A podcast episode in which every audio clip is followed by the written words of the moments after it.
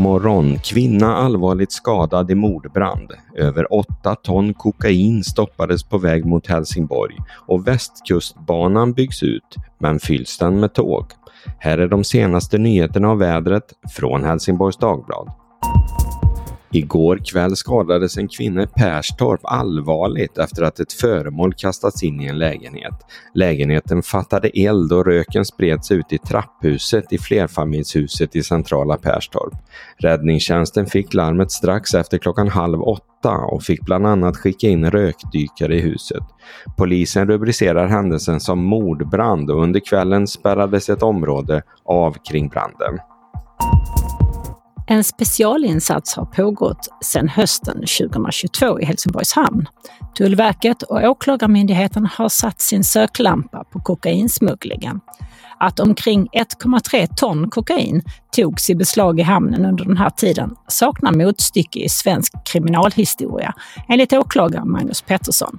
Men nu kan HD och Sydsvenskan berätta att det bör vara en del. Ytterligare 7,3 ton kokain förpackade i banancontainrar fastnade nämligen utomlands och nådde aldrig Helsingborgs hamn under 22 och 23. Sverige har blivit ett transitland för kokain till andra länder enligt tullen och Helsingborgs roll har vuxit som mottagarhamn för nordiskt kokain.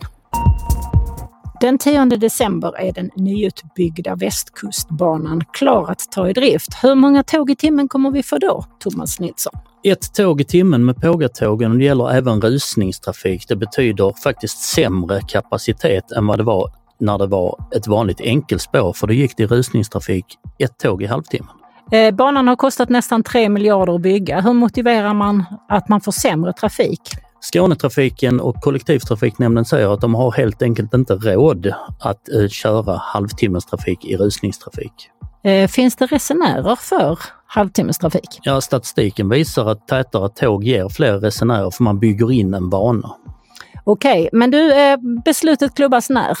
27 november, då är det regionfullmäktiges stora budget och då vet Skånetrafiken också hur mycket pengar de har att röra sig med. Men då ska vi veta att bara 13 dagar senare, den 10 december, då börjar de nya tidtabellerna.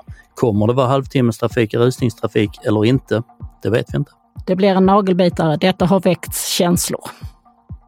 Ett café i Stockholm tvingas betala 75 000 kronor i diskrimineringsersättning efter att det uppdagats att kaféet bara anställde kvinnor. En man som sökt jobb på kaféet avvisades med det som skäl och att bli bortsållad på grund av sitt kön är inte tillåtet enligt diskrimineringsombudsmannen. Nu måste kaféet betala en ersättning till mannen. Oenigheten i FN om ett eventuellt humanitärt uppehåll i striderna mellan terrorstämplade Hamas och Israel fortsätter.